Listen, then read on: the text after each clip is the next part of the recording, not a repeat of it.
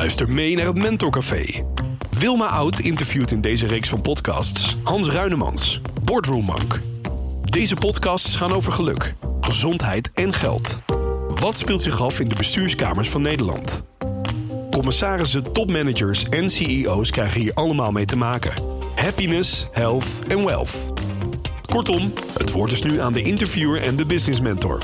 Luister mee naar een nieuwe podcast van het Mentorcafé.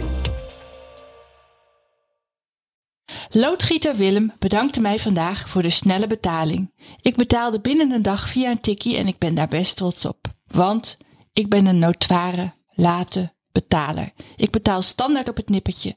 Heel erg, ik besef dat. Mijn eigen debiteuren betalen ook op het nippertje. Of zelfs buiten het nippertje. Zo schuiven we allemaal op in het betalingsfatsoen. Je zou kunnen zeggen, dit is ook al een signaal van inflatie van de beschaafdheid.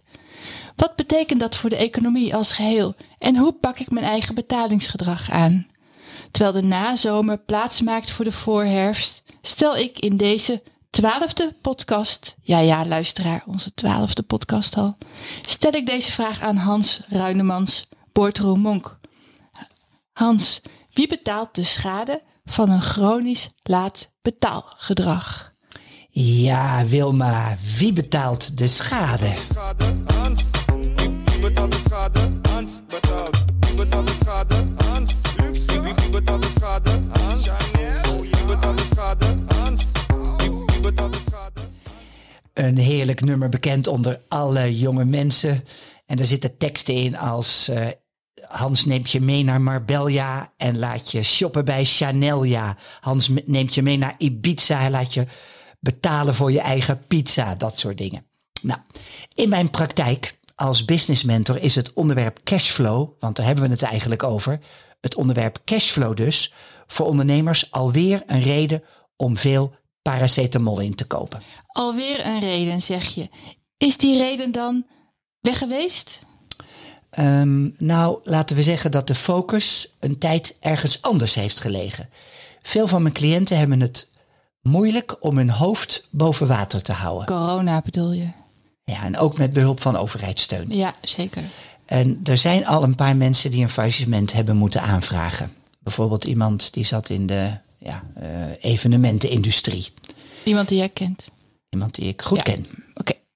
Andere, met- en hij had net een bedrijf overgenomen. Nou, ik kan niet uitweiden, maar tientallen mensen personeel. Zo gaat dat. Andere, met name dan de bedrijven in de e-commerce en de supermarkten. Of combinaties daarvan, die deden de beste zaken ooit. We laten, je noemde het al, zo langzamerhand de coronacrisis crisis achter ons. Hoewel we dat nog- niet helemaal zeker weten. Maar die wederopbouw, een groot woord misschien, maar goed. De wederopbouw rust voor een heel groot deel in Nederland op het MKB. De midden- en kleinbedrijven. En daar wordt de paracetamol alweer ingeslagen. Bij bedrijven zoals Willem. Je noemde hem onder andere ja.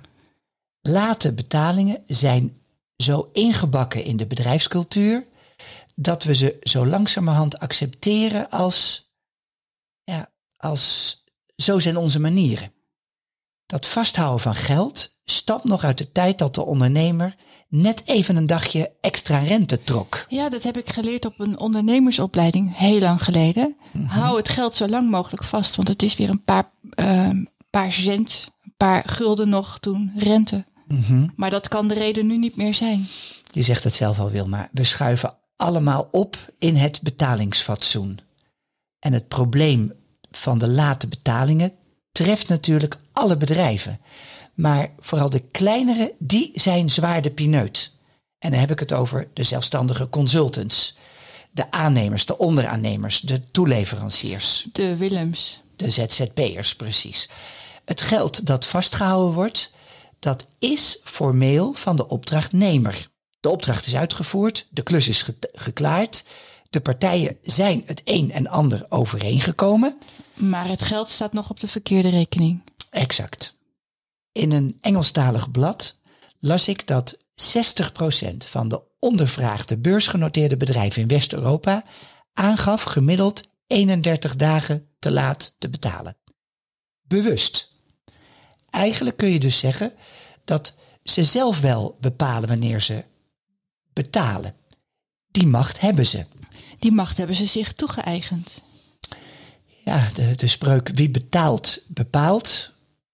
Ja, die inderdaad, wie bepaalt, wie betaalt, die bepaalt. Een beetje ouderwets. Maar hij geldt kennelijk nog steeds. Hij geldt nog steeds. En de beursgenoteerde bedrijven bepalen kennelijk zelf wanneer ze het geld afstaan. Het geld dat hen niet toekomt. Een, Ja, een groot, wat wou je zeggen? nee, nee, ga maar door, want ik ben erg benieuwd wat je gaat zeggen. Nou, een groot deel van hun debiteuren zijn zelf ook reuzen. En die zijn meestal goed in staat om dat op te vangen. Maar dit gel- dat geldt niet voor de andere crediteuren, de toeleveranciers, de Willems. Die moeten soms dus ook 31 dagen langer wachten. En dan heb ik het nu over 31 dagen. Langer Ik heb wachten. ook al eens gehoord, Ja. ja. ik heb ook al eens gehoord drie maanden. ja. En nu hebben we het hier dus over beursgenoteerde bedrijven die hun eigen regels maken. Maar het is eigenlijk overal hetzelfde. Grofweg is het niet alleen zo dat de grote hun geld vasthouden en dat de- kleine eronder lijden, maar dat te veel ondernemers het geld te lang vasthouden en daar hun zakelijke relaties mee schaden. Ja, het wordt kennelijk ook gedoogd. Ja, maar zolang de betalingen binnenkomen, of dit nou gebeurt op tijd of niet, zullen de meeste bedrijven die werkrelatie graag voortzetten. Ik neem aan dat Willem dat ook zo ziet.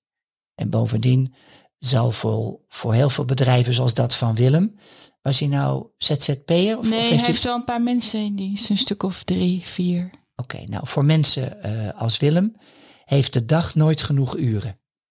Als hij thuis is, zal hij er weinig voor voelen om nog te controleren of die rekeningen wel of niet betaald zijn. En waarschijnlijk zal zo'n taak ook snel naar de onderkant van zijn to-do-lijstje eh, zakken. En, en dat terwijl in de tijd waarin de budgetten soms onder druk staan, het extra belangrijk is om die inkomende betalingen te monitoren en te beheren. Doe je dat niet, dan loop je als relatief klein bedrijf het risico op veel te late betalingen, op een gat in je eigen cashflow en soms op een uiteindelijk oninbare betaling. Ja, ik heb zelf gemerkt dat een vertraging die eh, toegestaan is, die ik toestaat, toesta, dat dat een volgende vertraging uitlokt.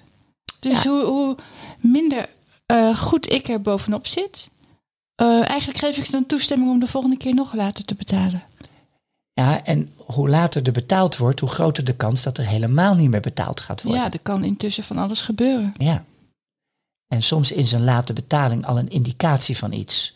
Kijk, aan de andere kant eh, kunnen vertragingen in betalingen een, wat ik dan maar noem, domino-effect veroorzaken.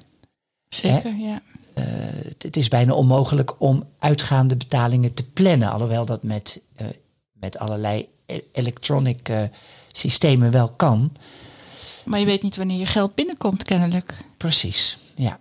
En hoe kan nou een bedrijf zijn rekeningen aan anderen betalen zonder dat er een fatsoenlijk zicht is op die cashflow? Ja, hoe veranderen we die betalingscultuur? Hoe veranderen we de inflatie van zakelijke beschaafdheid? Ik zal niet te veel van het onderwerp afdwalen, maar ik ben nu, nou ja, wat is het, al 30, 35 jaar ondernemer. En waar vroeger een afspraak een afspraak was, is een afspraak nu een plan waar best van afgeweken mag worden. Maar goed, laat ik blijven met die, bij die betalingstraagheid.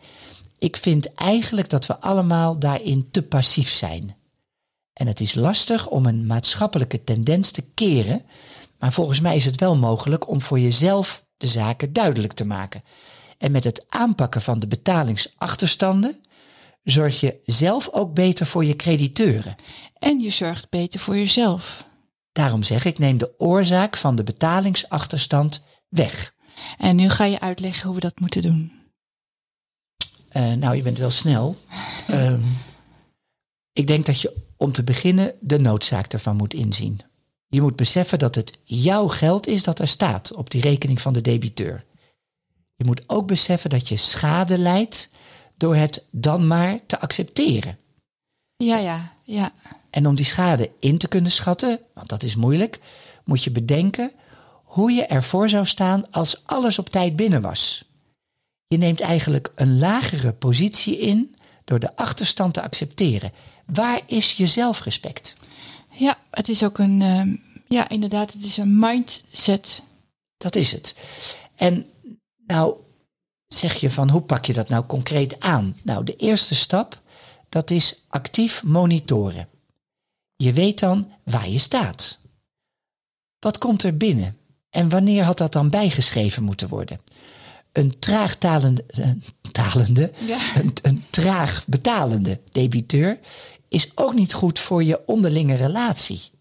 Stel dat Willem altijd voor een bepaalde woningbouwvereniging werkt en die betaalt altijd veel te laat.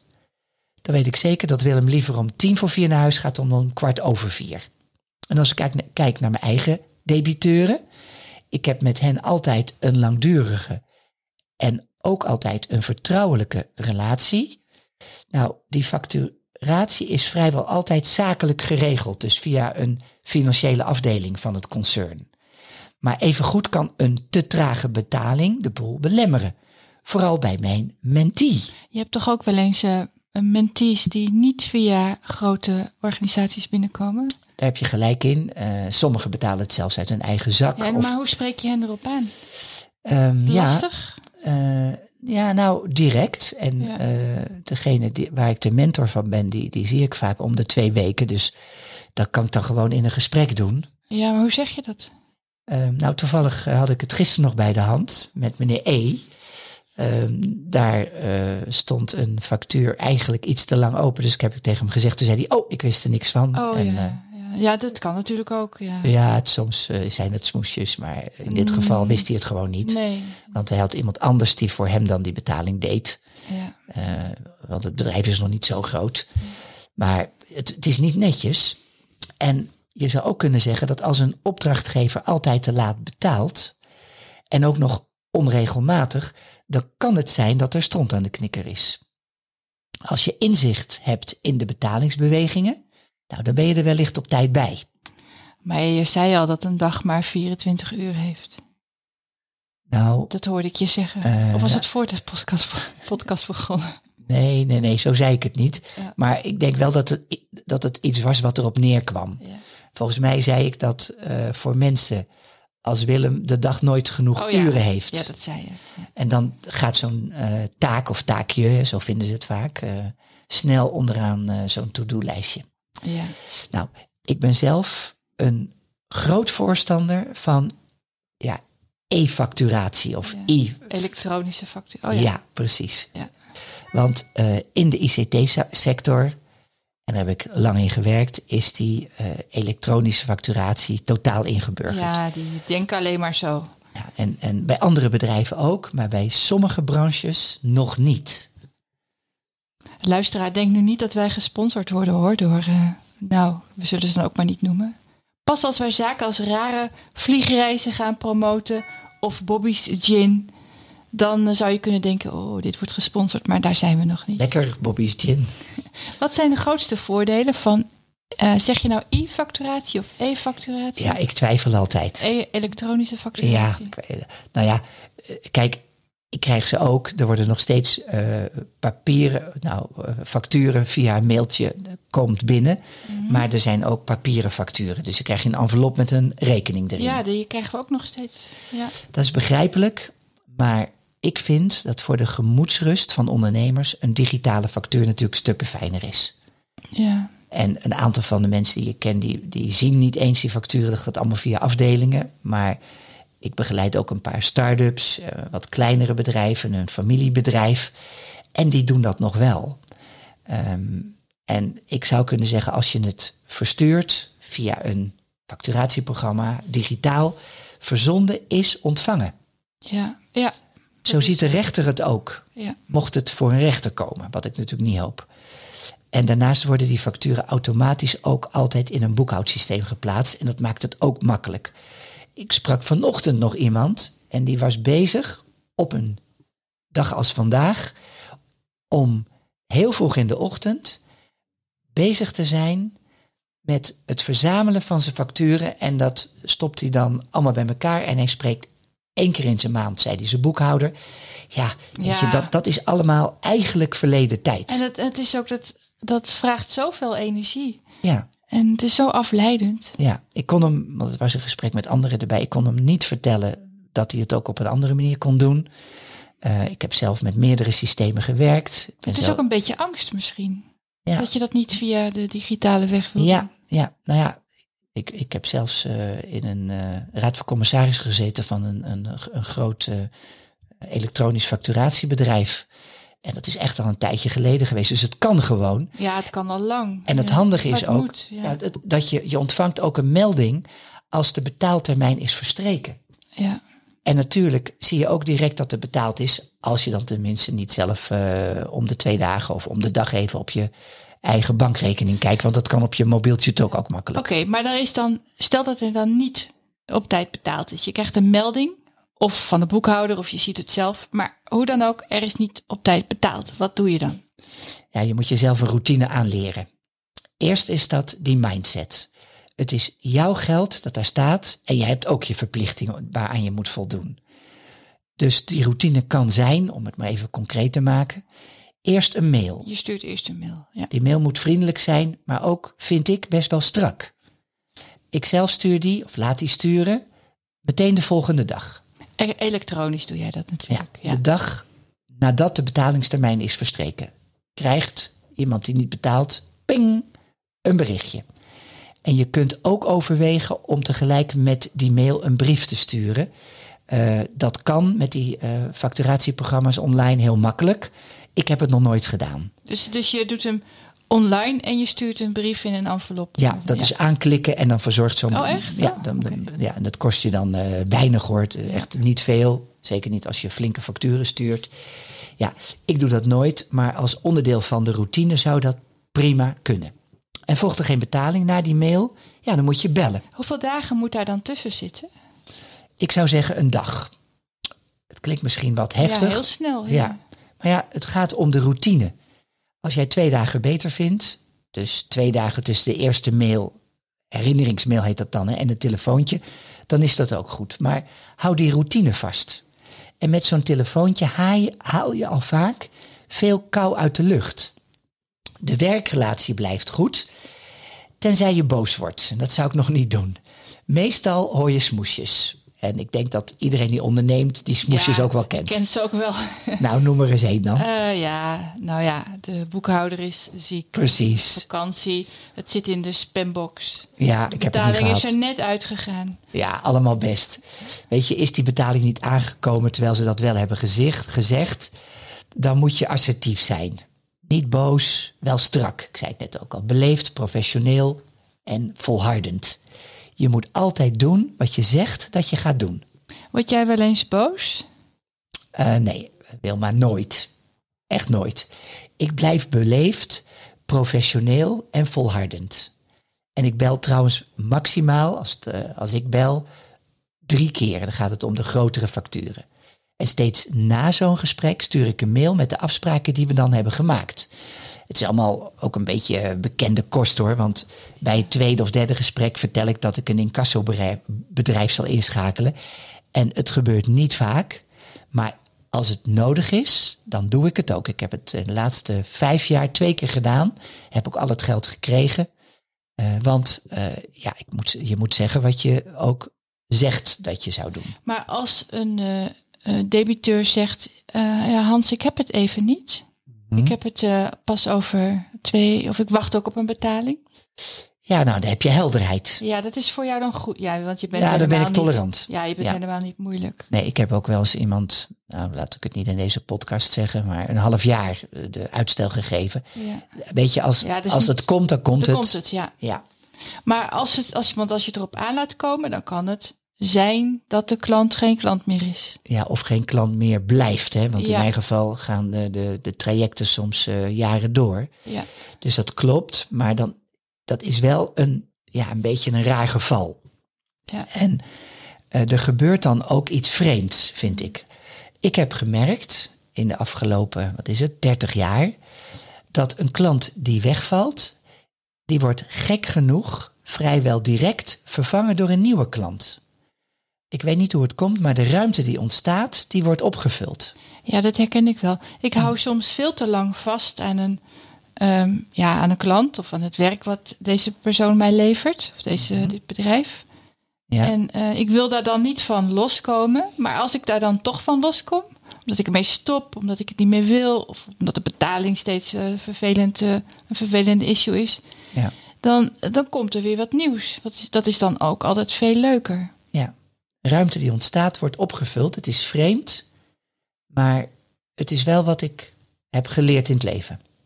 Hoe ga je om met je eigen betalingsonmacht als je die zou hebben en als die ontstaan is door je cashflow-probleem? Ja, die vraag, dat is ongeveer waar je ook mee begon met Ja. deze podcast.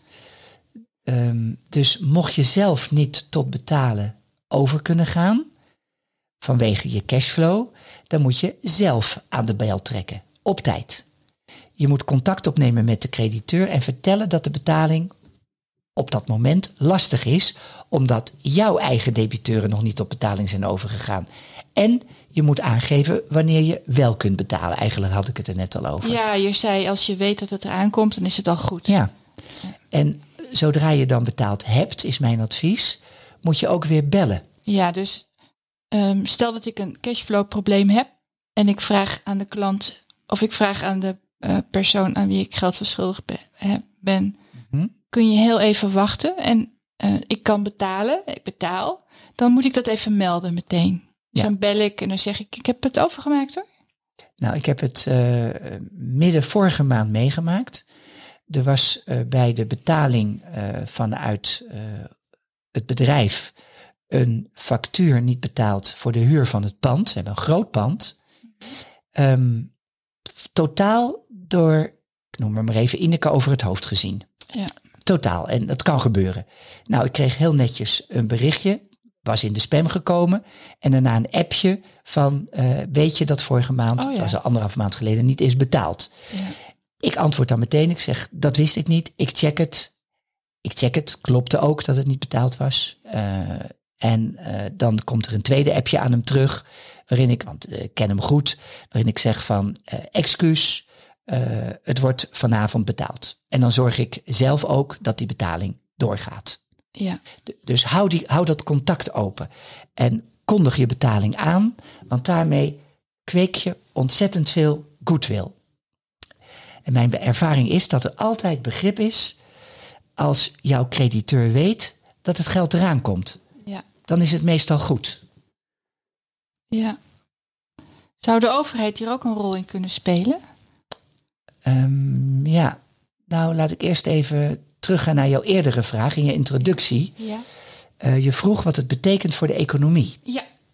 Nou, het gaat om de houding en de perceptie ten opzichte van het werk dat beloond dient te worden. Economie draait om vertrouwen, dus we moeten ons allemaal aan de afspraken houden. De betalingsafspraken.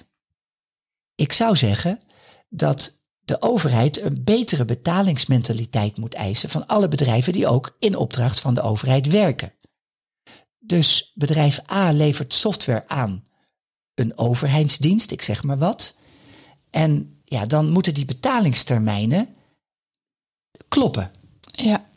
Dus jij zegt, eh, als je werkt, als je werkt in opdracht van de overheid, dan moet je je aan eh, de betalingstermijn houden. Ja, en andersom, je onderaan heen. ja, en andersom ook. Eh, ik weet dat bijvoorbeeld van een grote gemeente.